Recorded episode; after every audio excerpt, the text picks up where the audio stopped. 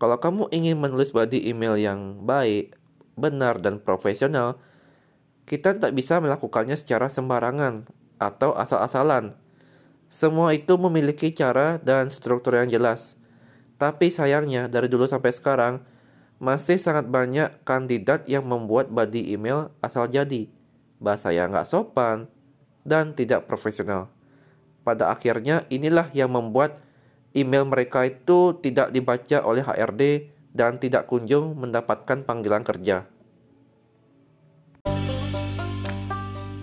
Halo, selamat datang di Mr. RD Podcast.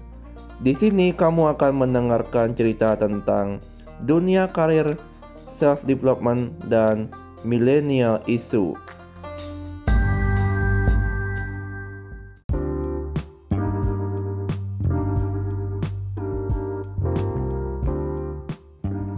Mr. RD Podcast Season 1 Your question I answer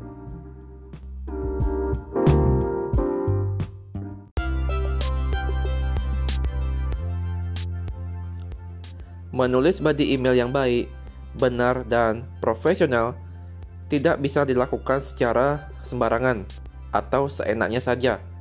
Semua itu memiliki cara dan struktur yang jelas.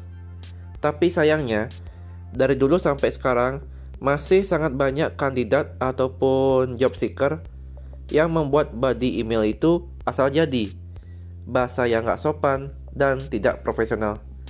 Pada akhirnya, inilah yang membuat email mereka itu tidak dibaca oleh HRD. Mister memiliki beberapa hal ataupun struktur penulisan body email yang perlu kamu lakukan atau buat ketika kamu tuh ingin sekali membuat body email supaya email kamu itu dibaca oleh HRD dan membuat HRD itu tertarik untuk mengenal kamu lebih detail. Jadi ada beberapa paragraf yang harus kamu buat ketika tuh ingin menuliskan body email untuk melamar pekerjaan yang pertama pada kalimat pembuka. Di kalimat pembuka, kamu itu perlu membuka dengan salam ataupun sapaan formal seperti selamat pagi, siang, ataupun sore sesuai waktu kamu mengirim emailnya.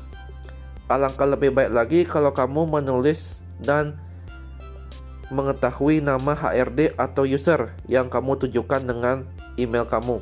Yang kedua, di paragraf awal kamu perlu menjelaskan apa tujuan kamu menulis body email ini.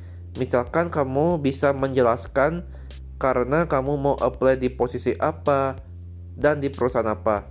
Dan jelaskan juga kamu mengetahui informasi lowongan ini dari mana. Itu paragraf awalnya. Paragraf kedua ialah kamu bisa menjelaskan kenapa kamu tertarik melamar di posisi pekerjaan itu. Selain itu, kamu juga bisa menjelaskan kenapa sih kamu kamu adalah kandidat yang terbaik untuk diterima di posisi dan di perusahaan itu. Dan paragraf ketiga atau akhir, kamu bisa mengucapkan rasa terima kasih telah membaca lamaran kerja kamu. Dan sertakan juga kontak pribadi kamu yang bisa dihubungi supaya HRD itu bisa segera menghubungi, kamu kalau mereka tertarik untuk mengundang kamu interview. Mungkin itu saja tips-tips dari Mister bagaimana cara menulis body email ketika melamar pekerjaan. Kesimpulannya ialah yang pertama, kamu harus menulis kalimat pembuka, mengucapkan salam sesuai dengan waktu kamu mengirim emailnya, dan akan lebih baik lagi kamu menuliskan nama HRD. Yang kedua di paragraf awal, jangan lupa kamu sampaikan tujuan kamu menulis body email itu apa.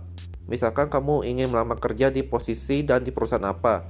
Dan paragraf kedua atau tengah, ingat poinnya ialah kenapa kamu tertarik melamar di posisi pekerjaan itu dan jelaskan kenapa kamu adalah kandidat yang terbaik di perusahaan itu.